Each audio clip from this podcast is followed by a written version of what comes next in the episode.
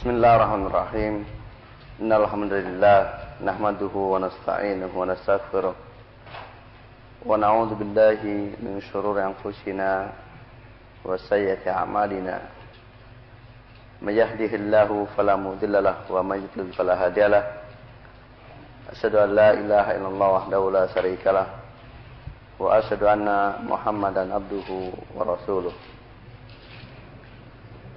أعوذ بالله من الشيطان الرجيم يا أيها الذين آمنوا اتقوا الله حق تقاته ولا تموتن إلا وأنتم مسلمون وبعد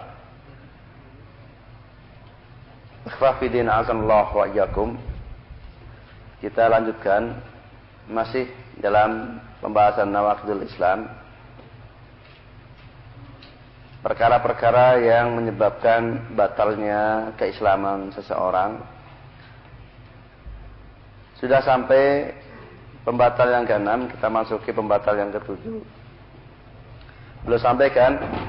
As-sabi as-sihru wa minhu as-sarfu wal atafu faman fa'alahu aradiya bihi kafara wa dalilu qawlu ta'ala wa ma yu'allimani min ahadin hatta yaqula innama nahnu fitnatun fala takfur yang ketujuh yaitu sihir. Dan di antara sihir yaitu syaraf dan ataf. Maka barang siapa yang melakukannya atau ridho dengannya maka dia kafir. Dalilnya adalah firman Allah Ta'ala dan tidaklah kedua malaikat tersebut mengajarkan sihir sehingga dia berkata sehingga keduanya berkata sesungguhnya kami hanya sebagai ujian maka jangan kamu kafir. Saya Muhammad bin Abdullah Rahimullah pada Pembatal yang ke tujuh ini tentang sihir. Jadi ada dua sebab seseorang itu menjadi kafir dengan sebab sihir. Yang pertama, orang yang melakukannya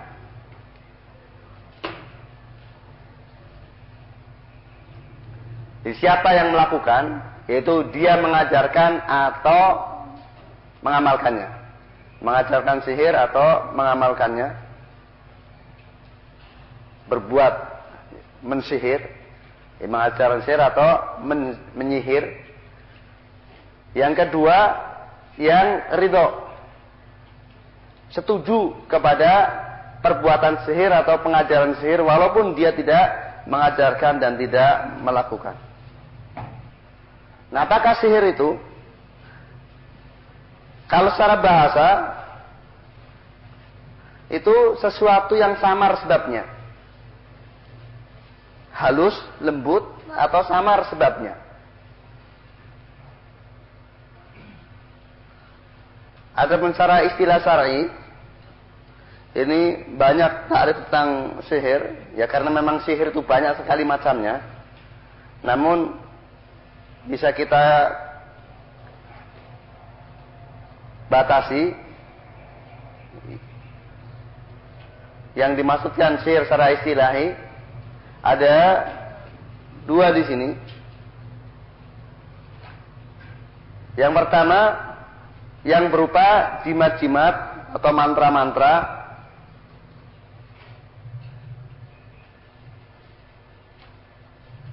Dan ikatan-ikatan atau apa ya, buletan-buletan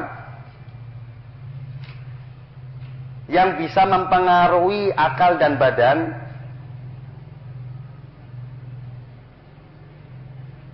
sehingga kemudian menjadi sakit atau bahkan meninggal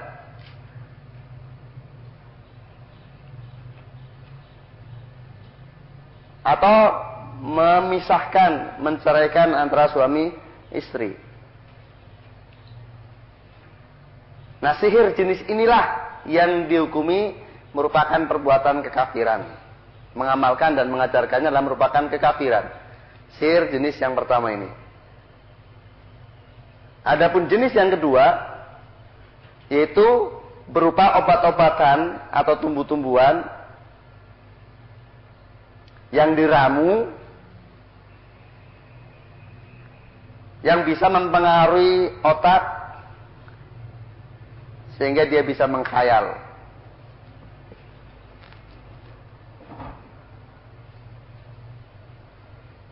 Sehingga menjadi apa? Berhayal, play dalam bahasa kalian.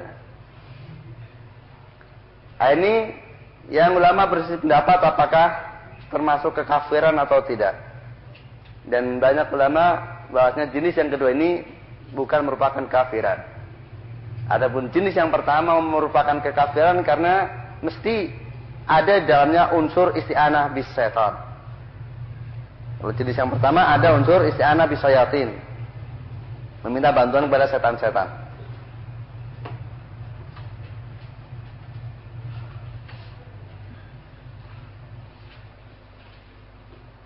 Maka pil koplo, ekstasi dan jenisnya itu termasuk jenis apa? Sihir, jenis yang kedua. Dan orangnya pun akhirnya sakit juga. Dan akhirnya juga bisa mati. Dengan sebab narkoba.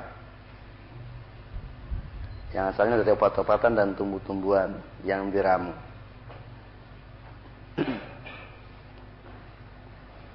Jadi sihir yang dikatakan sebagai pembatal keislaman yaitu sihir jenis yang pertama yaitu yang berupa mantra-mantra atau jimat-jimat dan ikatan-ikatan atau bulu eh, apa namanya buhul-buhul ikatan pada buhul-buhul itu yang bisa mempengaruhi badan dan akal sehingga karenanya menjadi sakit atau bahkan meninggal dan bercerainya suami istri. Beliau sampaikan wa minhu wal ataf. Dan di antara bentuk sihir yang jenis seperti itu yaitu asarf dan ataf. Asarf itu adalah sesuatu yang dibuat jadi jenis sihir yang bisa mempengaruhi yang tadinya mencinta menjadi tidak cinta. Yang tadinya cinta menjadi benci.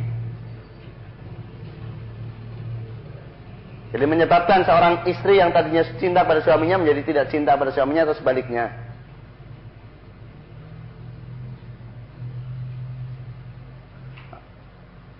Atau jenis sekarang ya tatkala orang tua eh, merasa pusing dengan apa, ulah anaknya, yang terlalu gandrung kepada pacarnya padahal dia sudah memiliki calon yang lain sehingga dia berusaha bawa ke dukun untuk kemudian bagaimana apa anaknya itu sudah tidak cinta lagi sama pacar bahkan membencinya. Nah ini jenis apa? Sarf yang wal atof atof itu sebaliknya. Yang kita kenal dengan pelet ya. Jadi membuat yang tadinya benci menjadi cinta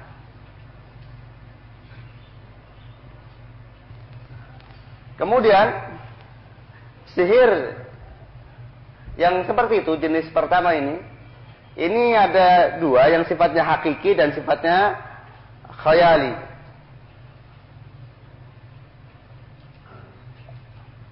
Artinya yang betul-betul nyata dan ada yang sifatnya khayalan. Seperti sihirnya tukang sihirnya Fir'aun itu khayali. Yukhayyalu alaihi anu tas'a yukhayyalu ilaihi anu tas'a jadi terkhayalkan kepada Musa bahwasanya tali-tali yang dilempar oleh tukang sihirnya Firaun adalah berjalan cuma khayalan. Jadi tidak berubah menjadi ular. Tidak berubah menjadi apa? Ular betulan. Tapi terkhayalkan saja. Dan ada yang hakiki. Jadi memang betul-betul berubah tetapi itu itu pun tetap dengan izin Allah kauni. Tetap dengan izin Allah kauni. Karena tidak ada sesuatu yang terjadi tanpa kehendak Allah Subhanahu Nah, termasuk bentuk-bentuk sihir yang sekarang ada yang mungkin sering ya apa yang disebut dengan akrobat ya. Itu adalah bentuk bentuk sihir, mendatangkan ruh, dimatikan kemudian nanti apa? Kemudian ruhnya didatangkan dan juga ya, dibelah menjadi dua, kemudian nanti apa? disambung atau dipisahkan lehernya kemudian apa? disambung lagi. Itu atau yang dikenal dengan apa? hipnotis. Kemudian tertidur misalnya. Nah, itu semuanya bentuk-bentuk sihir yang kategori kekafiran. Ya.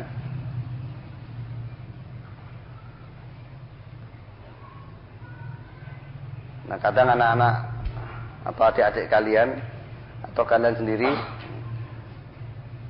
dibuat cinta pada sihir ya. Senang tau nonton siapa? David siapa namanya? Oh, ya.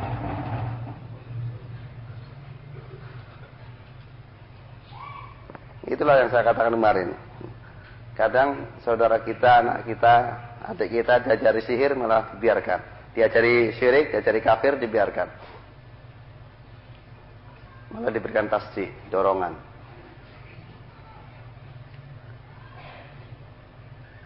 Dalilnya belum bawakan. Ini sebagian. Jadi ayat ini, dari ayat ini banyak sekali isinya wajud dalalah, sahih dan wajud dalalahnya. Saya baca semuanya ayat tersebut.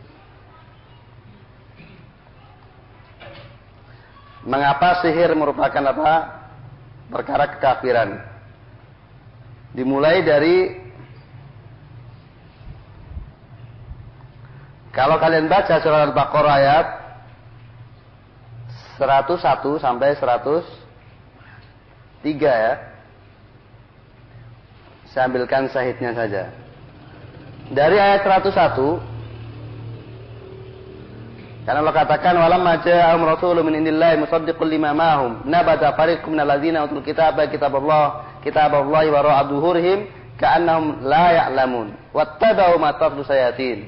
Pertama, saya dari sini tidaklah jadi mereka itu membuang kitab Allah wara'a dhuhurihim. Jadi membuang kitab Allah di belakang punggung mereka. Setelah mereka membuang kitab Allah, kitab Allah baru kemudian wattabau ma tatlu sayatin ala mulki Sulaiman. Jadi tidaklah orang berpaling kepada sihir kecuali setelah apa? Berpaling berpaling menuju apa? Sihir kecuali setelah dia berpaling dari kitab Allah. Jadi setelah mencampakkan ajaran Allah Taala, barulah dia berpaling pada sihir. Jadi dimulai dari kafir terlebih dahulu, yaitu dengan mencampakkan kitab Allah Subhanahu wa taala.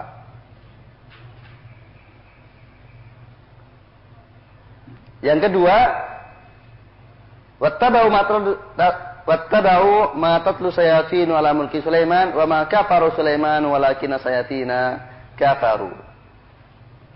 Wa ma kafaru Sulaiman. Tidaklah Sulaiman itu kafir. Itu dengan apa? Dengan mengajarkan sihir. Dinafikannya kekafiran dari Sulaiman atas dakwaan mereka bahasnya Sulaiman mengajarkan sihir maka tatkala Allah menafikan kekafiran Sulaiman, yaitu tatkala dia tidak mengajarkan sihir, ini berarti pengajaran sihir adalah merupakan kekafiran. Yang ketiga, walakin nasayatina kafaru yu'alimun nasa sihra. Namun setan-setan itulah yang kafir. Mengapa setan kafir? Yu'allimunan nasa sihra. Mereka mengajarkan manusia sihir. Jadi disifati setan sebagai kafir karena mengajarkan manusia sihir.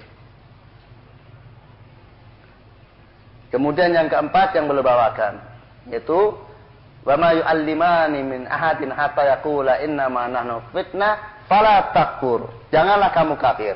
Dengan apa? Dengan belajar sihir tersebut dan mengamalkannya. Yang keenam, ya. Kelima,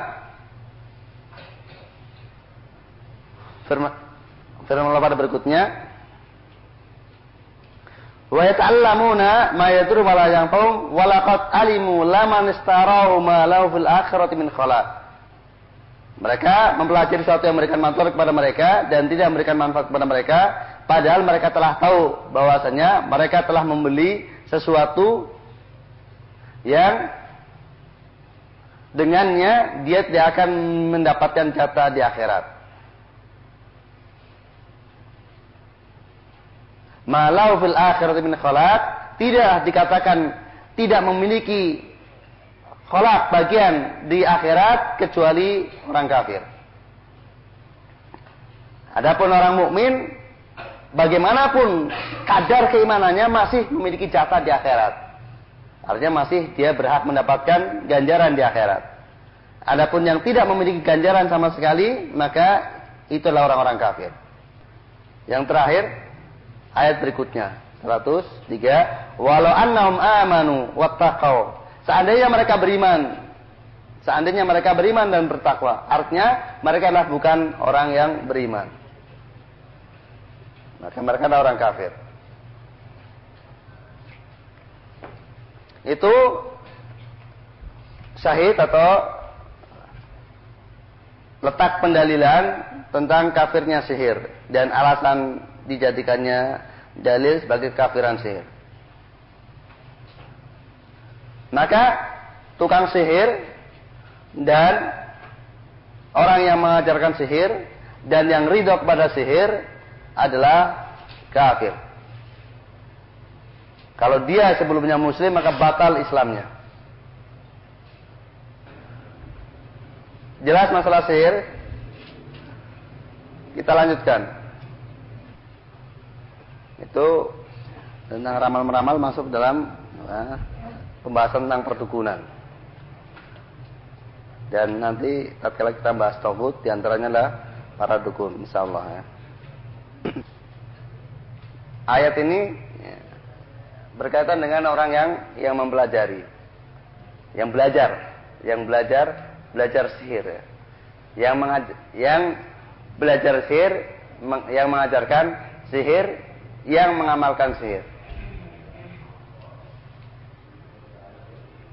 Jadi yang belajar ya, untuk diamalkan, yang mengajarkan supaya diamalkan dan yang mengamalkan serta yang ridho, ridho terhadap itu semuanya. Itu yang dihukumi sebagai kafir. Yang ke delapan, asamin mudhaharatul musyrikin wa muawanatuhum alal muslimin.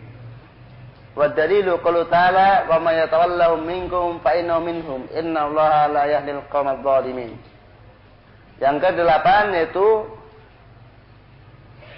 membantu dan menolong untuk kemenangan kaum musyrikin terhadap kaum muslimin. Jadi menyokong, membantu, membela demi kemenangan kaum musyrikin atas kaum muslimin. Dalilnya firman Allah Ta'ala, "Wa may yatawallahum minkum fa innahu minhum." Dan barang siapa yang wala di antara mereka kepada mereka dan antara kalian, maka sesungguhnya dia termasuk dari golongan mereka. Inna Allah la yahdil qawmadh. Sesungguhnya Allah tidak memberikan hidayah kepada orang-orang yang zalim, eh orang-orang kafir. Saya bin Bas dalam salah satu fatwanya beliau mengatakan bahasnya ulama telah sepakat dalam Islam telah sepakat barang siapa yang membantu orang-orang kafir menghadapi kaum muslimin demi kemenangan orang-orang kafir itu maka mereka telah kafir. Dengan bentuk bantuan apa pun. Maka dia kafir seperti mereka. Nah kapan membantu orang kafir menghadapi kaum muslimin sampai dikatakan kafir? Ada dua. Yang pertama apabila membantu mereka menghadapi kaum muslimin karena suka kepada agama kafir atau suka kepada siar-siar kafir.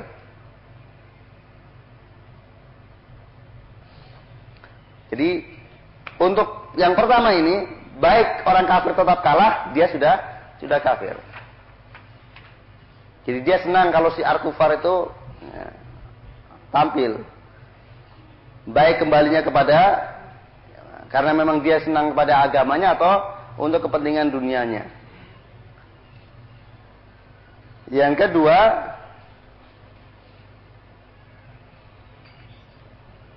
apabila dampak dari bantuannya menjadikan orang kafir itu menang dan menguasai terhadap kaum muslimin.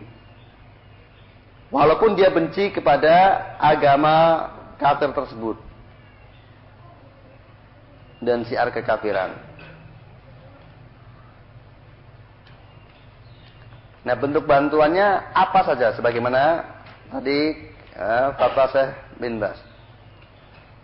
Mungkin pemikiran, mungkin dana, mungkin strategi, mungkin pasukan, pokoknya apa saja bentuknya sehingga orang kafir menang atas kaum muslimin.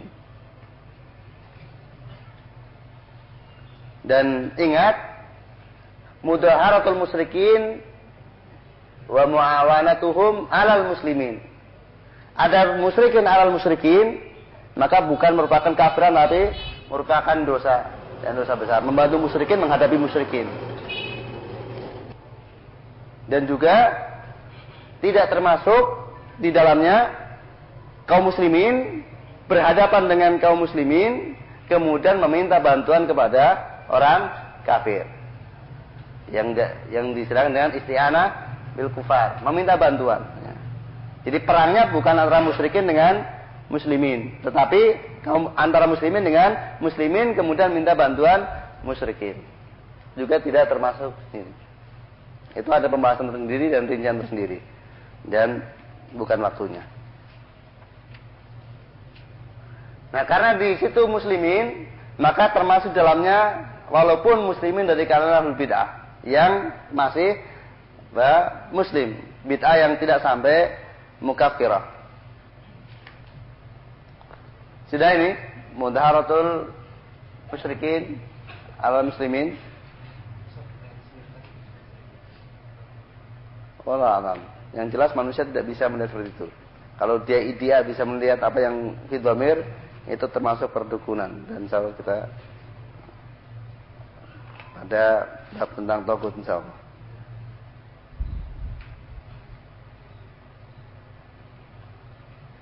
Yang kesembilan, anak at-tasi Man taqada anna ba'dan nasi yas'ahu al-khuruju an syariati Muhammadin sallallahu alaihi wasallam kama wasa'ala khidru al-khuruju an syariati Musa alaihi salam fahuwa kafir Yang ke sembilan, barang siapa yang memiliki tikad, memiliki keyakinan bahwa sebagian orang boleh keluar dari syariat Muhammad wasallam sebagaimana Khidir keluar dari syariat Musa alaihissalam, maka dia kafir. Ini nawak nakid berkaitan dengan warisalah.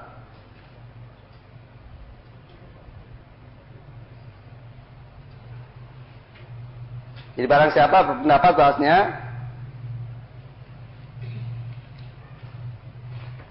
umat ini siapa pun dia atau ada umat ini orang-orang tertentu karena kedudukannya dia boleh untuk keluar dari syariat Muhammad wasallam sebagaimana Khidir keluar dari syariat Nabi Musa alaihissalam maka dia kafir.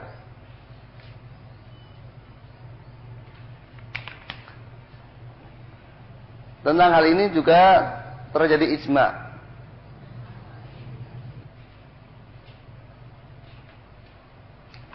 Di Syarah Islam Ibn Amiyah menukil tentang ijma kafirnya orang yang berpendapat demikian. Yang memiliki keyakinan demikian. Dan ini sebagaimana etikotnya murid Torekot Sufia. Bahwasanya syekh mereka itu apa adalah boleh keluar dari syariat Muhammad SAW karena mereka sudah mencapai derajat apa ma'rifah atau hakikat. Jadi pembagian dinul Islam menjadi syariat, ma'rifah dan hakikat alat taksim sufiyah adalah merupakan taksim kekafiran.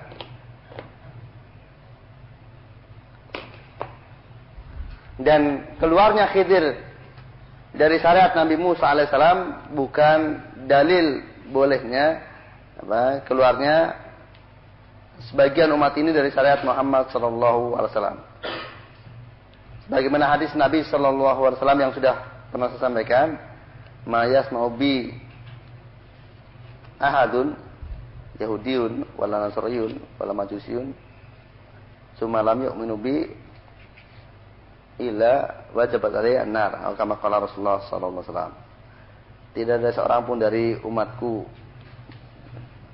tidak Yahudi, Nasrani atau Majusi kemudian tidak beriman kepadaku kecuali wajib baginya neraka. Adapun Khidir alaihissalam, ya, Khidir maka memang Nabi Musa tidak diutus kepada Khidir. Dan Khidir mendapat ilmu dari Allah Taala yang tidak didapatkan oleh Nabi Musa alaihissalam.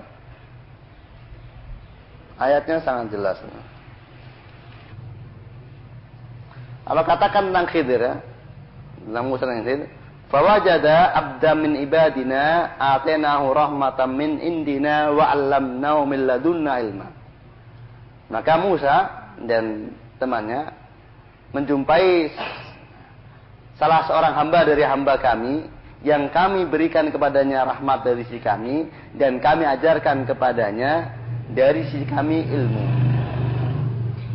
Jadi Khidir Khidir mendapatkan ilmu langsung dari Allah Subhanahu wa taala.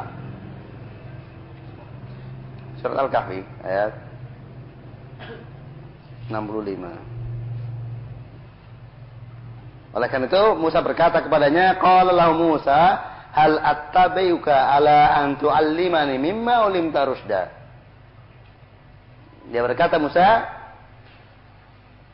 kepada Khidir, "Bolehkah aku mengikutimu untuk kamu mengajarkan kepadaku sesuatu yang kamu diajari, yang itu bisa memberikan petunjuk?" Jadi ilmu yang didapati oleh Khidir tidak didapati oleh Musa alaihissalam.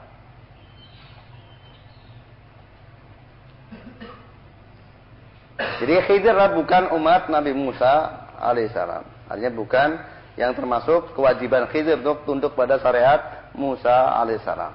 Berbeda dengan umat ini. Maka umat setelah umat ini setelah diutusnya Nabi Muhammad sallallahu alaihi wasallam, maka seluruhnya adalah wajib tunduk dan beriman kepada syariat Muhammad sallallahu alaihi wasallam.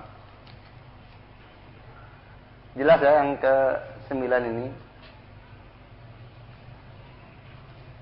Jadi walaupun sangat jelasnya seperti itu tentang hukum untuk beriman kepada syariat Nabi Muhammad SAW, namun demikianlah sunatullah dan terhadap manusia.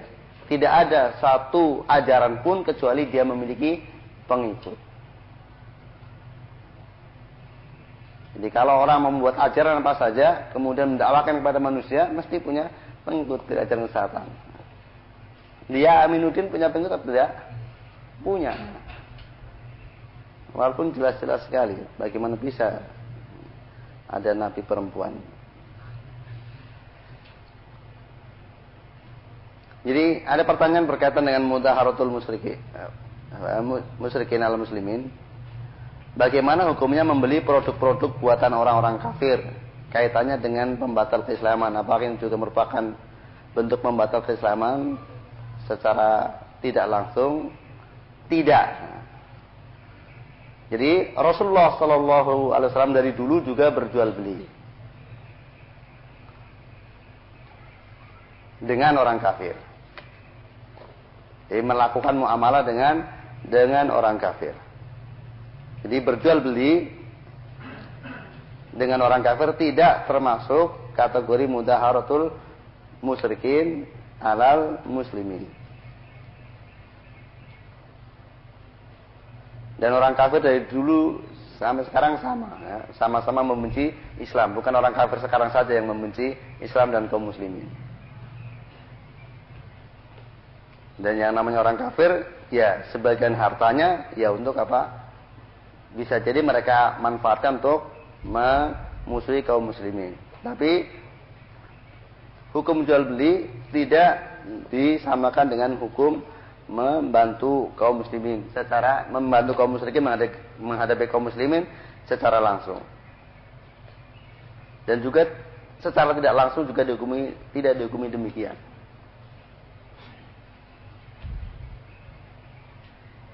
Kemudian yang ke-10 Al-Ashir Al-i'rad an dinillahi ta'ala la yata'allamuhu wala ya'malu bihi. Wadalilu qawlu ta'ala wa man adlamu mimman dzukira bi ayati rabbih tsumma a'rada anha inna minal mujrimina muntaqimun. Yang ke-10 berpaling dari agama Allah Ta'ala, tidak belajar dan tidak mengamalkannya. Dalilnya firman Allah Ta'ala, siapakah yang lebih zalim?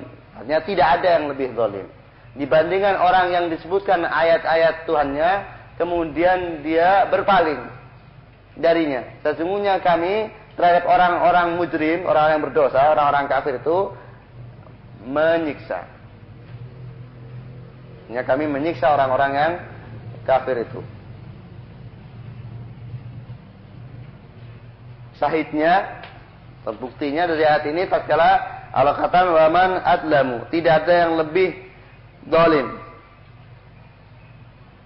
karena nah, istifham di sini istifham ingkari. Artinya laisa adlam, tidak ada yang lebih zalim. Tatkala dikatakan tidak ada yang lebih zalim berarti ini kedoliman yang paling zalim. Ini termasuk dari kedoliman yang paling zalim adalah berpaling dari agama Allah, tidak belajar dan tidak mengamalkannya. Nah, kapan berpaling dari agama Allah Taala itu termasuk nakid min nawaqidil Islam.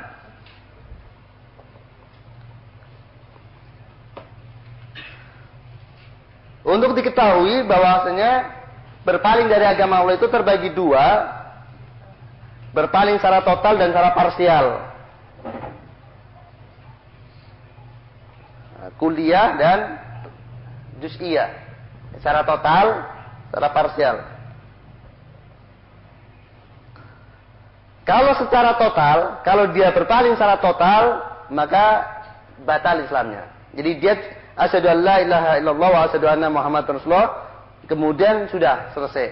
Dan tidak mau belajar Islam dan tidak mau mengamalkan, tidak mau tahu tentang agamanya. Secara total. Pokoknya maunya cuma sahadatain saja. Setelah itu tidak mau tahu tentang apa isi ajaran Islam. Maka ini batal. Syahadatnya batal. Ini yang namanya i'rad kulli. Jadi berpaling secara total. Adapun berpaling secara parsial apabila dia berpaling secara parsial kebetulan yang dia tidak amalkan dan tidak pelajari itu merupakan syarat sahnya iman maka batal Islamnya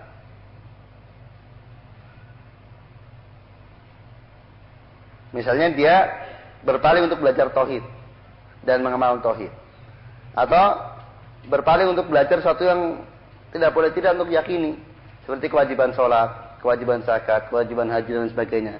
Tidak mau tahu. Pada itu wajib diitikadi, wajib dia punya keyakinan bahwa sholat itu wajib. Jadi kalau kemudian dampak dari berpaling, artinya cuek, tidak mau peduli dengan din ini, sehingga dia meninggalkan, sehingga dia, dia tidak tahu dan tidak mengamalkan sesuatu yang merupakan syarat sahnya keimanan, maka batal Islamnya. Atau sehingga dia tidak meyakini sesuatu yang harus diyakini itu wajib. Atau dia tidak meyakini sesuatu yang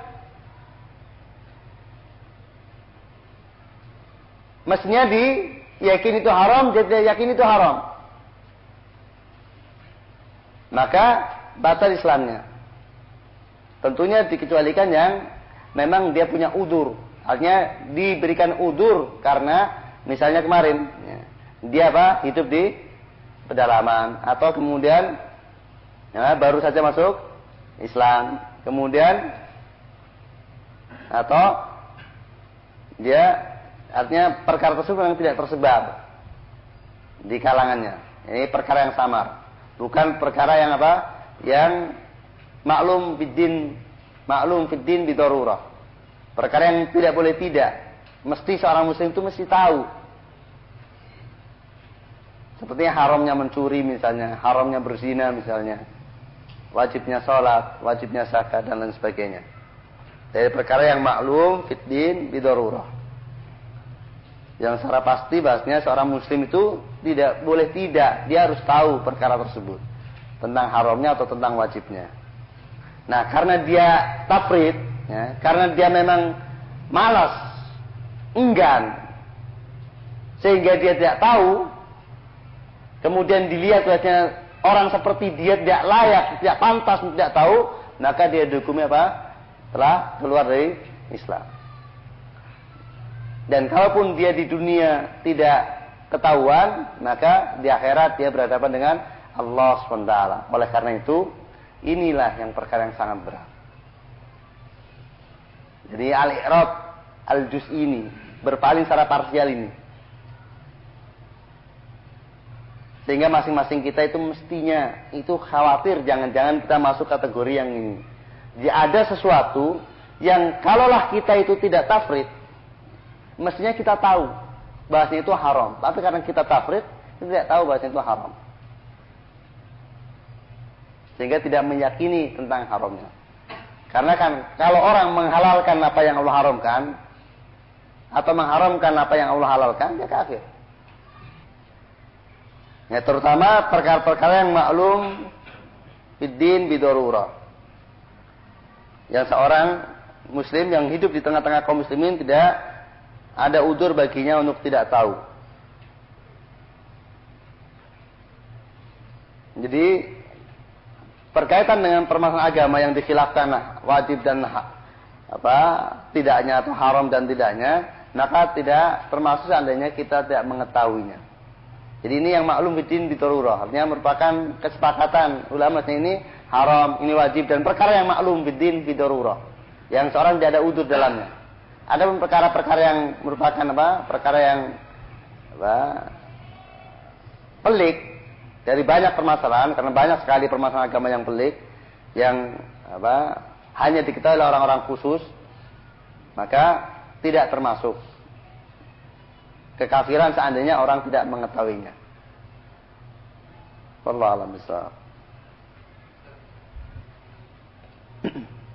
Jadi banyak di sana ayat-ayat yang waman adlamu oleh karena itu jadi ada yang sifatnya nisbiyah tidak ada bentuk kedoliman yang lebih dolim dalam masalah tersebut. Melebihi ada yang sifatnya mutlak tidak ada kedoliman yang lebih dolim secara mutlak. Jadi ada yang nisbi apa bahasa Indonesia nisbi?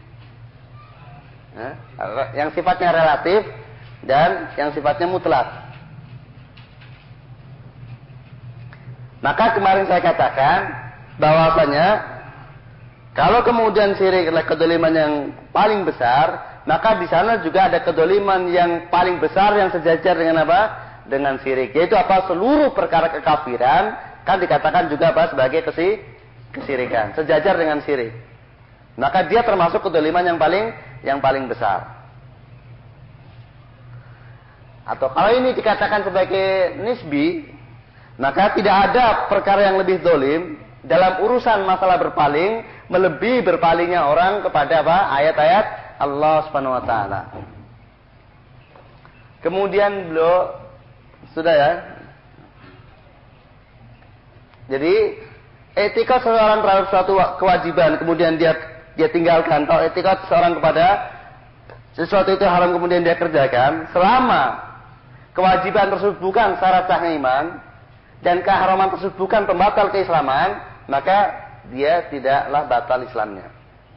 Orang yakin zina itu haram dan apabila dilakukan dia berdosa, tapi dia berzina, maka dia tidak kafir. Orang yakin bahwasanya apa puasa itu wajib dan apabila dia tinggalkan dia berdosa, tapi dia tidak berpuasa, maka dia masih seorang muslim yang berdosa, dosa besar. Ini tidak tidak apa tidaklah kafir orang dengan sebab dosanya. Jadi, tatkala ulama Ahlussunnah mengatakan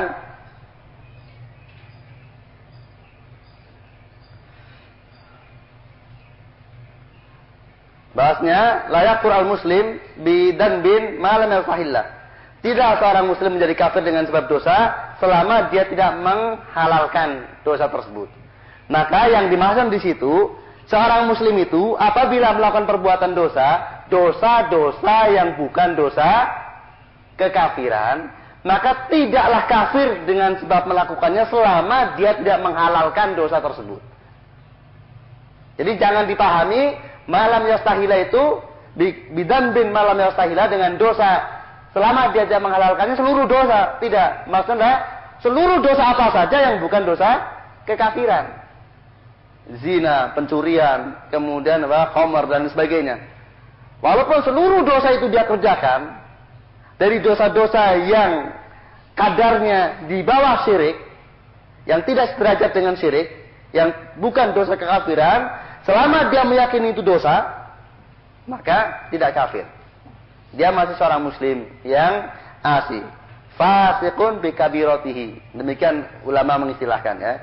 Dia menjadi fasik dengan dosa besarnya. Wa mu'minun bi imani. Dan dia masih mukmin dengan kadar imannya yang ada. Nah, itulah perbedaan ahlu sunnah dengan khawarij dan Mu'tazilah dan dengan Murji'ah. Kalau Murji'ah menganggap dia adalah mukminun kamilul iman. Pelaku dosa besar itu mukminun kamilul iman. Im, mukmin dan sempurna imannya. Karena iman tidak berkurang dan tidak bertambah. Kalau Khawarij menganggap dia kafir. Menamakan orang tersebut kafir. Kalau Mu'tazilah menamakan manzilah baina manzilatain. Kedudukan di antara dua kedudukan. Itu nama pelaku dosa besar. Ahlus wal jamaah dia masih tetap muslim, mukminun bi imanihi wa fasiqun bi kabiratihi. Dia mukmin yang asih, seorang mukmin yang bermaksiat, yang durhaka. Tapi namanya masih mukmin. Sebagaimana tadi ya dalilnya. Ya ayyuhalladzina ya ibadalladzina amanu. Tatkala pembahasan hijrah tadi. Demikian juga wa in ta'ifatani minal mu'minina tatalu. Dan apabila dua kelompok dari kaum mukminin saling berperang padahal membunuh orang mukminlah dosa besar, tapi masih dikatakan ya, mukmin. Dua orang mukmin, dua kelompok mukmin saling berperang. Demikian juga fain fain bagi pembunuh apa orang yang membunuh seorang muslim fain ufiya min akhi sayun dan apabila diberi maaf dari saudaranya maka masih dikatakan min akhihi dari saudaranya dan bila sak banyak akhi di sini akhi wa fiddin ukhuwah fiddin jadi masih dianggap muslim. Yang membunuh seorang muslim ini masih dianggap muslim. Walaupun ancamannya sangat keras. Maka tidak setiap jahal itu makzur ya. Jadi al-jahal yang merupakan uzur syar'i itu jahal yang bukan disebabkan karena tafrid. Karena apa? Meremehkan. Adapun jahal, kebodohan, yang disebabkan karena tafrid, yang karena apa? Karena meremehkan tadi, sehingga karena dia meremehkan, dia bodoh dalam perkara yang merupakan syarat sahnya iman, maka dia tidak diterima. Tetap dia dikafirkan dengan jahalnya tersebut. Jadi khusus bagi jahal yang tidak masuk kategori tafrid. Jadi memang pantas bagi dia untuk bodoh gitu loh. Nah kan siapa yang pantas untuk bodoh? Yang baru saja masuk Islam, yang hidup di pedalaman, atau yang memang di wilayahnya tidak ada dakwah seperti itu. Sehingga bukan perkara yang tersebar luas di masyarakatnya dari perkara Islam tersebut. Jadi wajar kalau dia tidak tahu. Adapun yang apa, tersebar luas dan dia muslim dari dulu, Tapi karena tafridnya sehingga dia tidak tahu pada itu merupakan syarat sahnya iman, maka dia menjadi kafir walaupun dia jahil. Dan betapa banyak dari kaum muslimin yang i'rad, yang masuk kategori tafrid seperti ini. Sehingga mereka tidak tahu, eh, tidak paham tauhid sama sekali dan tidak tahu halal haram sama sekali. Karena tafridnya, bukan karena sesuatu yang wajar. Kufrun duna kufrin. Jadi tentang sibabul muslim fiskun wa qatlu kufrun Kufrun di situ kufrun duna kufrin. Dan cirinya kalau kemudian apa bentuknya nakiroh itu biasanya untuk apa kufrun duna kufrin. Sirkun itu juga sirkun duna sirkin. Jadi syirik yang bukan syirik akbar. Kufrun yang bukan kufur akbar. Walaupun ini tidak mutorid ya, tidak baku seperti itu. Tapi kebanyakan seperti itu. Maka kembalinya kepada nas-nas yang muhkam. Jadi ini termasuk nas yang dianggap mutasabi. Ya. Kufur. Kufur apa ini? Ada nas yang mukam, yaitu ayat-ayat yang baru saja saya bacakan tadi. Itu jelas-jelas sekali Allah memanggil mereka masih mukminin dan masih dianggap saudara seiman. Kemudian beliau sampaikan, perhatikan ya. Ini supaya menjadi bahan perhatian. Beliau sampaikan, wala farqa fi jami' Hadi nawaqid bainal hasil wal jad wal khaif illa al mukrah. Dan tidak ada bedanya di dalam seluruh nawakid ini antara bermain-main, sungguhan atau takut. Kecuali yang dipaksa. Artinya siapa pun orangnya yang melakukan perkara-perkara nawakid yang sepuluh ini yang beliau sampaikan atau nawakid yang lainnya yang tidak beliau sampaikan Baik dia karena bermain-main. Wah saya cuma main-main. Saya nggak sungguhan. Atau sungguhan, atau wah gimana om, saya diancam, saya takut, nggak enak dan sebagainya. Kalau tidak saya lakukan nggak enak lah. Maka dia kafir. Ilal mukroh. Kecuali yang dipaksa saja. Dan ini yang banyak orang meremehkan ya sedikit-sedikit hanya gara-gara nggak enak saja sungkan itu rela untuk mengatakan ucapan kufur. Bagaimana menurut pendapatmu tentang perbedaan agama yang ada? Oh, ya semua agama kan bagus. Soalnya ini dosen saya. Kalau enggak, gimana nilai saya nanti? Hanya perkara nilai, dia rela untuk kufur.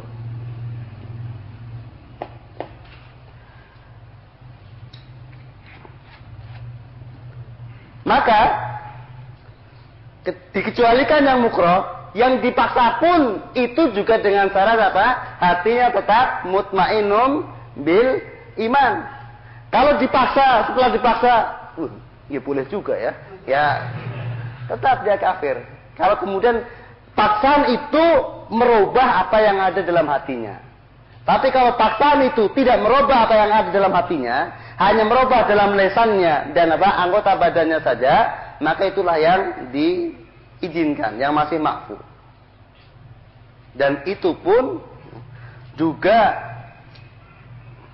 apabila tidak bertampak kepada apa? Hilangnya din. Atau ya kan apa? Rusaknya din. Secara umum. Seperti misalnya kasus yang dialami oleh Imam Ahmad ya. Jelas secara kondisi beliau kalau dilihat itu kadarnya kadar apa? Mukroh. Tapi kalau kemudian karena semua ulama sudah waktu itu cuma berapa kelintir saja berdiplomasi ya semua mereka menuruti apa kemauan khalifah dengan alasan apa? Mukroh. Kalau kemudian Imam Ahmad juga iya, maka bisa hancur agama ini. Maka dalam kondisi yang apabila itu menjadikan apa? Alaihisabidin, jadi din sebagai taruhannya, maka juga walaupun dipaksa tetap tidak. Dia pertama dia harus milih lebih memilih dia wajib untuk tetap milih mati. Kalau apa, sebagai taruhannya adalah din. Tapi kalau urusannya pribadi, hanya pribadinya saja, maka dia boleh. Yang tidak melebar kepada kepada taruhan din. Jadi misalnya kayak kelas kita, misalnya kemudian dipaksa babi itu halal atau haram. Harus dikatakan halal. Kalau tidak, ya ya halal halal, tidak apa-apa. Tapi kalau kemudian seorang ulama di hadapan apa umat kemudian untuk memfatwakan halalnya babi maka dia harus memilih apa memilih haram walaupun harus dibunuh itu sebagai sahid tatkala itu sedang jihad dia masalahnya walaupun tidak kafir seandainya dia apa mengatakannya karena kondisinya demikian tapi tidak boleh baginya untuk kemudian menuruti eh, kemauannya kemauan orang yang memaksanya. Dalam kondisi hisab bidin. Hanya sebagai taruhannya. Kita lihat pada ayat ini. Allah katakan Man kafara billah min ba'di imani illa man ukriya wa qalbu mutmainnun bil iman walakin man saraha bil kufri sadran fa'alaihim ghadabun minallah walau adabun azim. Barang siapa yang kafir kepada Allah setelah imannya kecuali yang dipaksa. Ini cuma satu ya, ilaman ukriha. Kecuali yang dipaksa. Maka siapa pun yang tidak masuk kategori dipaksa, dia dianggap apa? Dia sadro. Dia dianggap berlapang dada untuk kafir. Walakin Wa qalbu mutmainnun bil iman walakinna walakin man saraha bil kufri sadran. Jadi yang tidak dipaksa dan sementara hatinya tetap tenang dengan iman, itu kategorinya berlapang dada untuk kafir. Maka al-hazil wal jad wal khaif jadi yang bermain-main atau sungguhan atau apa karena takut itu masuk kategori berlapang dada untuk kafir. Kalau dia tidak masuk kategori yang dipaksa. Apa coba lihat sebabnya? Zalika bi'annahum istahabbu zalika bi'annahum istahabbul hayatad dunya 'alal akhirah. Yang demikian itu disebabkan karena mereka lebih mencintai kehidupan dunia dibandingkan akhirat. Coba perhatikan ayatnya. Yang demikian itu dikarenakan mereka lebih mencintai, lebih suka terhadap kehidupan dunia dibandingkan akhirat. Bukan karena mereka benci kepada akhirat. Bukan mereka tidak beriman kepada akhirat, bukan. Tapi karena lebih menyukai kehidupan dunia. Maka barang siapa yang melakukan demikian walaupun di dunia atau barang siapa yang melakukan yang tidak tidak karena dipaksa, maka semuanya itu namanya mencintai kehidupan dunia atas akhirat. Karena hukumnya kafir dan hanya gara-gara takut saja atau gara-gara tomaan dunia kemudian dia rela untuk berbuat atau berkata kekafiran. Maka waspada dan hati-hatilah. Surat An-Nahl ya ayat 105 100 ini 106 107 sudah ini kita lanjutkan dulu ya biar nggak tertulis berulang-ulang kali terus. Jadi karena mudah ini. Wa kulluha min a'zami ma yakunu khataran wa akthar ma yakunu wuqu'an. bagi lil muslim ayahdaraha wa yakhafa minha la nafsihi. Na'udzu billahi min mujibati qadabihi wa alimi. Dan semuanya sepuluh itu kata beliau adalah sepaling besar bahayanya dan paling banyak terjadinya. Maka wajib bagi seorang muslim untuk waspada dan mengkhawatirkan terhadap dirinya akan perkara-perkara tersebut. Kita berlindung kepada Allah Subhanahu wa taala dari murkanya dan kerasnya siksanya. Jadi alasan beliau menyampaikan 10 ini karena 10 ini yang apa? Yang paling besar bahayanya karena paling banyak terjadi. Jadi bukan pembatasan. Nah karena tersebar luas, karena banyak terjadi, ini wajib bagi kita untuk apa? Mengkhawatirkan waspada dan khawatir terhadap diri kita. Jangan-jangan kita masuk ke dalamnya. Dan contohlah Nabiullah Ibrahim alaihissalam. Dalam salah satu doanya, dalam surat Ibrahim berapa ya? Beliau berdoa kepada Allah Subhanahu wa taala, Allahumma jnubni wa baniya anak budal asnam, Rabbi innahunna adlalna katsiran minan nas. Ya Allah jauhkanlah aku dan anak keturunanku dari beribadah kepada berhala. Wahai Rabbku, sesungguhnya peribadatan kepada berhala itu telah menyesatkan banyak manusia. Kita ambil faedah di sini. Peribadatan kepada berhala sangat jelas. Ibrahim tahu persis itu merupakan kesirikan. Ya. Dan apa, dampak negatifnya beliau juga paham betul. Namun, karena itu merupakan perbuatan banyak manusia, sehingga beliau pun mengkhawatirkan kepada dirinya. Ini pelajaran besar bagi kita. Tidak ada satu dosa pun, dosa apa saja, yang manusia banyak melakukannya, maka kita mengkhawatirkan kepada diri kita. Akan terseret kepadanya. Karena sesuatu yang banyak dilakukan oleh orang, mudah untuk kita mengikutinya. Karena tatkala kita mengikutinya, tidak ada orang yang akan apa, ngubris, fadol. Malah kemudian banyak yang mengajaknya. Berbeda dengan dosa yang tidak dilakukan oleh oleh beberapa segelintir orang.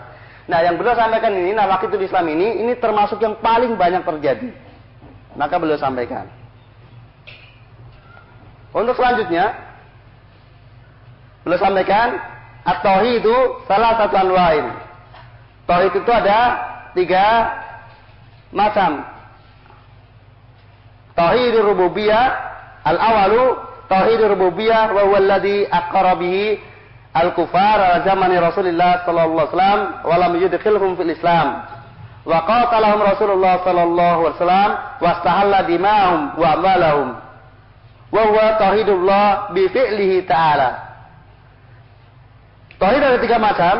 Yang pertama tauhid rububiyah yaitu sebuah tauhid yang orang-orang kafir pada masa Nabi sallallahu alaihi wasallam telah mengakuinya namun pengakuan mereka tidak menyebabkan mereka masuk ke dalam Islam. Dan Rasulullah tetap memerangi mereka dan menghalalkan darah serta harta mereka. Apa itu tauhid rububiyah? Yaitu mentauhidkan Allah Subhanahu wa taala di dalam perbuatan Allah taala. Itu mencipta, memberi rezeki, mengatur, menghidupkan, mematikan, memberikan manfaat, madarat, itu semuanya di tangan Allah SWT satu-satunya. Mengesahkan Allah dalam perbuatan Allah Subhanahu wa taala. Wa dalilu ta'ala dalil bahasnya musyrikin sudah mengakui tentang tauhid rububiyah. Qul may yarzuqukum minas sama'i wal ard amma yamliku as-sam'a wal absar wa yukhrijul hayya minal mayyit wa yukhrijul mayyita minal hayy wa yudabbiru amra Allah faqul afala tattaqun Katakan siapakah yang rezeki dari langit dan bumi siapakah yang memiliki pendengaran dan penglihatan dan siapakah yang mengeluarkan yang hidup dari yang mati dan yang mati dari yang hidup? Dan siapakah yang mengatur segala urusan? Niscaya mereka orang-orang musyrik itu akan menjawab Allah. Maka katakanlah mengapa kamu tidak bertakwa? Artinya kamu tidak membuat perisai antara kalian dengan azab Allah Taala itu dengan tunduk mengabdi hanya kepada Allah Subhanahu wa taala. Ini bukti bahwasanya musyrikin Quraisy telah mengakui tauhid rububiyah. Wal ayatu ala hadi katsira jiddan. Dan ayat-ayat seperti ini amat sangat banyak dan sebagainya sudah saya sampaikan. Bahkan mereka mengabdi kepada Allah Taala dan beribadah kepada selain Allah hanya semata-mata sebagai perantara saja. Wasani tauhidul uluhiyah wa huwa alladhi waqa fi an-niza' qadimud dahri wa hadithihi wa huwa tauhidullah bi af'alil ibad kadua wa nadri wa nah wa nahri wa raja wal khauf wa tawakkul wa rahba wa rahba wal inaba wa kullu na'in min al hadil anwa alai dalilun min al Quran. Yang kedua yaitu tauhid uluhiyah.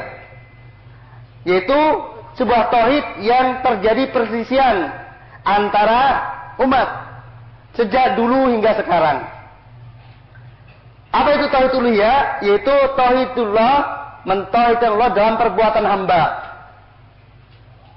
Jadi bagaimana afal hamba ini, baik afalul jawari maupun afalul afalul qulub, perbuatan apa? Perbuatan hati, itu semata-mata hanya untuk Allah SWT. Seperti doa, nazar, kemudian nahar, sembelian, roja, khauf, tawakul, rohbah, rohbah, dan inabah. Yang semuanya ini sudah kita bahas dalam asal yang pertama dari al-usul salasa. Dan seluruh macam dari macam-macam ini ada dalilnya dari Al-Quran. Dan sudah kita sampaikan. Sudah selesai pembahasan tentang masalah tersebut. Asalis tauhidud dat wal asma wa sifat. Qala Allah Ta'ala, "Qul huwallahu ahad, Allahu samad, lam yalid wa lam yulad wa lam yakul lahu ahad." Wa qala ta'ala, "Walillahil asmaul husna fad'uhu biha wa darul ladzina yulhiduna fi asma'i Sejauh ma kanu ya'malun. Wa qala ta'ala, "Laisa kamitslihi syai'un wa huwas samiul basir." Adapun macam yang ketiga dari tauhid yaitu tauhidud dat. Asma dan sifat.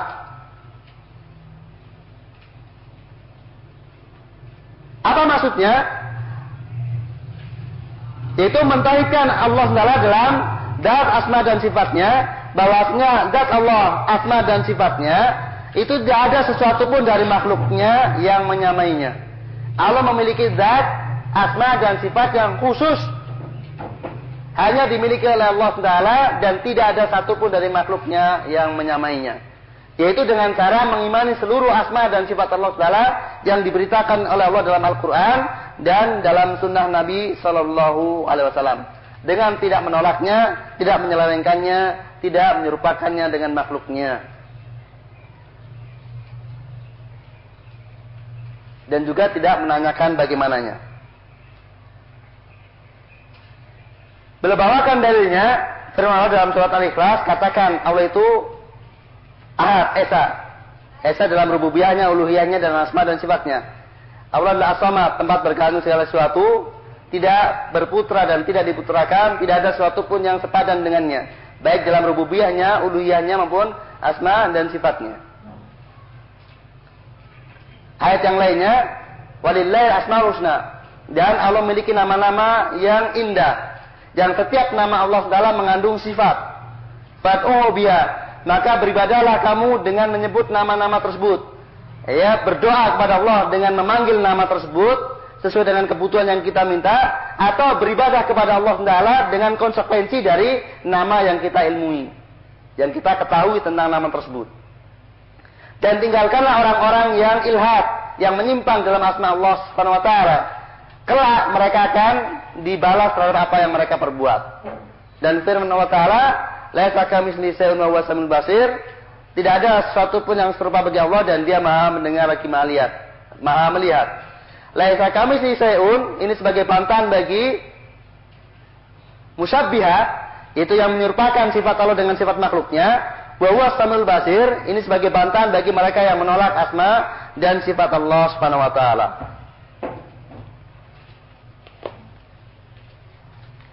Dan insyaallah bagi kalian masalah pembagian tauhid menjadi tiga ini bukan perkara yang yang asing. Dan untuk diketahui bahwasanya di sana ulama ada yang bagi tauhid menjadi dua dan tidak ada perbedaan yang apa prinsip antara yang bagi dua dengan yang bagi tiga karena yang membagi dua memasukkan tauhid rububiyah dan asma sifat menjadi satu bagian. Yaitu tauhid fil ma'rifah wal isbat. Sebagaimana Sul Islam kedua Ibnu Qayyim rahimahullah dan juga yang lainnya. Tauhid fil ma'rifah wal isbat. Atau tauhid fil ilmi al-khabari.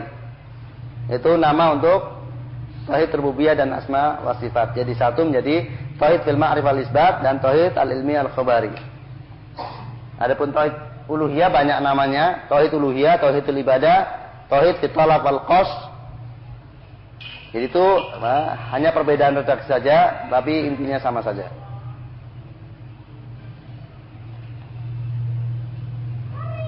Ada beberapa pertanyaan.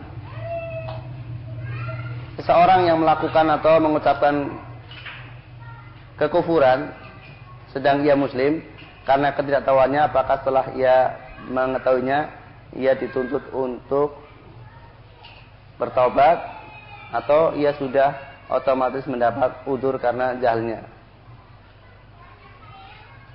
Nah, tidak perlu tobat. Jadi seseorang yang melakukan kekufuran baik dia karena jahil maupun apa? Karena sengaja tetap dia harus bertobat kepada Allah SWT. Karena bisa jadi jahalnya adalah bukan jahil yang makdur. Jahilnya, kebodohannya bukan kebodohan yang bisa diuduri.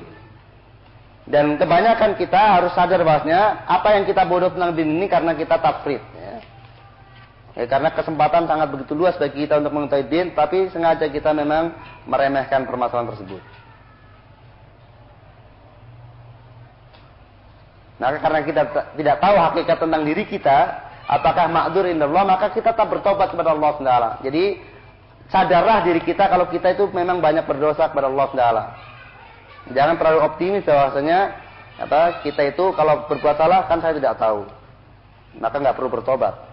Karena saya belum tahu kok. Jadi tetap kita harus apa, takut kepada Allah Taala. Jangan-jangan memang kita karena meremehkan sehingga uh, dosa atau kekafiran. Atas dasar apakah tauhid dibagi menjadi tiga? Di atas Tauhid dibagi menjadi tiga atas dasar istiqra atau tatabu. Dalil istiqra atau tatabu, yaitu dengan membaca dan meneliti dalil dari Al-Quran dan As-Sunnah, maka disimpulkan tauhid itu terbagi menjadi tiga. Dan pembagian seperti ini bukan bid'ah. Sudah dikenal sejak salaf. Dan ada risalah khusus ditulis oleh Syekh Abdul Razak bin Abdul Muhsin Al-Abbad salah seorang profesor gurunya dosennya Sofiranda sekarang ya dan saya pernah berguru sebentar dengan beliau pada forum daurah di Malang sekitar 8 tahun yang lalu. Waktu itu beliau masih doktor sekarang sudah profesor. Menulis risalah khusus tentang membantah orang-orang yang meniadakan tentang atau yang mengatakan bid'ahnya pembagian tauhid menjadi tiga. Beliau bawakan ya, kalam tentang salat tentang hal itu dan bagaimana apa dalil-dalil tentang hal itu. Maka yang masih ragu bisa baca kitab beliau. Bisa pinjam sama Ustadz Kadafi. Saya baca di rumahnya soalnya. Saya juga belum. Saya tidak punya. Saya cuma baca sekilas. Kalau tidak ada bedanya antara sungguhan, main-main atau takut, bagaimana dengan takyin kepada orang yang melakukan perbuatan yang membatalkan syahadat? Ya karena ada itu tadi, udur bil jahil itu tadi. Ya. Jadi tidak ada bedanya dengan main-main atau sungguhan. Kemudian kalau kita ada lihat orang main-main, ya mungkin dia jahil. Nah hukum tersebut. Jadi bisa jadi dia jahil. Maka tetap ada udur Yang jelas jangan suka takyin. Ini bahaya sekali ngejarnya ke takyin. Ya, sekali lagi saya ingatkan ini untuk kepentingan diri kita dan untuk mengingatkan saudara kita. Bukan untuk mengkafirkan orang. Bagaimana dengan pembagian tauhid sehingga ada yang menyebutkan adanya tauhid mulkiyah atau hakimiyah? Apa ini perbedaan yang sudah ada di kalangan salaf? Tidak. Tidak ada. Bahkan ini dianggap sebagai bid'ah. Pembagian seperti ini. Dan dimunculkan orang-orang yang orientasi dakwahnya hanya kepada mulkiyah dan hakimiyah saja. Dan apa, menyingkirkan atau mengesampingkan dakwah tauhid uluhiyah. Karena ini termasuk bagian rububiyah ya. Hakimiyah atau mulkiyah termasuk bagian rububiyah atau termasuk bagian dari uluhiyah. Tergantung bagaimana penjabarannya. Bagaimana jika seseorang merasa cukup dengan pengetahuannya tentang din, telah merasa cukup dalam ibadah, beramal, berakhlak, baik dan amal-amal lain, sehingga tidak mau belajar lebih banyak lagi. Padahal masih banyak perkara wajib dan haram dilaksanakan. Maka ini termasuk berpaling dari syarat Islam, termasuk berpaling juz'i. Dan ini termasuk dosa besar dan apabila ternyata karena seperti ini jadi karena memang dia sengaja untuk membatasi diri kemudian dia mengharamkan yang halal atau menghalalkan yang haram dan itu adalah perkara kekafiran dan bisa jadi dia tidak diterima udurnya di sisi Allah SWT. Maka ini perkara yang sangat berbahaya. Maka tidak boleh bagi kita untuk mencukupkan diri. Maka belajar itu adalah sampai mati. Belajar din itu sampai sampai mati. Ya, apa pun kesempatan yang bisa kita dapatkan. Walaupun sedikit waktu yang kita punya. Jadi jangan membatasi diri, berpaling dari belajar din. Walaupun sempit kesempatannya, walaupun hanya sedikit. Sesuai dengan kemampuan kita masing-masing dan apa kelonggaran kita masing-masing. Dan masing-masing kita berbeda-beda.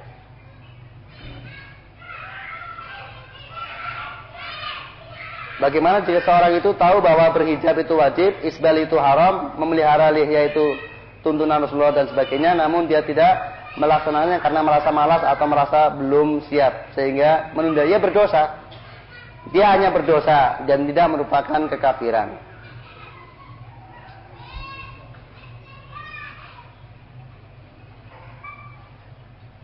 Bagaimana jika kedua orang tua tidak ridho ketika anaknya hijrah atau berusaha keras menjadi seorang salafi? Kemudian anaknya menjelaskan apa itu salafi, bagaimana Taifah al-Mansurah dan hal-hal yang berkaitan dengannya katakanlah berhujah di hadapan orang tua. Apa ketika orang tua tidak mau mendengarkan dan bahkan menentang setelah sekian lama berusaha tidak didakwai, apakah beliau termasuk berpaling dari syariat Allah? Ini macam-macam. Jadi bisa jadi karena kamu dianggap ingusan, nggak tahu agama, kemudian ceramah tentang agama.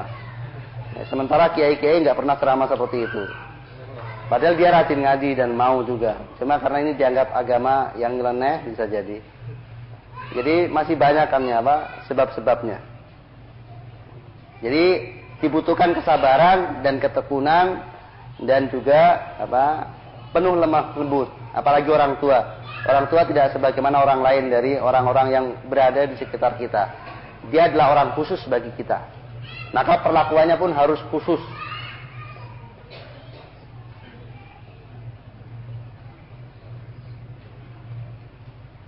Apa bentuk taubat orang yang melakukan nawakidul Islam? Apakah mengulang syahadat kembali atau disaksikan oleh orang lain atau cukup istighfar dan tidak mengulangi? Walau alam bisa. Ya. Yang jelas tidak harus disaksikan ya. Dan ya, kalau bersahadat itu jelas lebih ahwat ya, lebih hati-hati. Tapi saya tidak uh, tahu apakah wajib syahadat lagi atau tidak.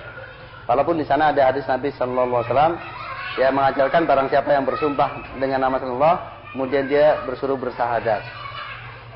Nah barangkali atas dasar hadis itu kita juga bersahadat lagi tatkala melakukan waktu Islam. Walaupun saya tidak tahu apakah wajib dan tidaknya Allah alam Islam. Tidak. Tatkala dia bertobat dari dosanya. Ya, tatkala dia masuk Islam, ya harus disaksikan oleh orang lain tatkala dia bertobat dari dosanya, misalnya dia melakukan kafiran tidak harus dipersaksikan.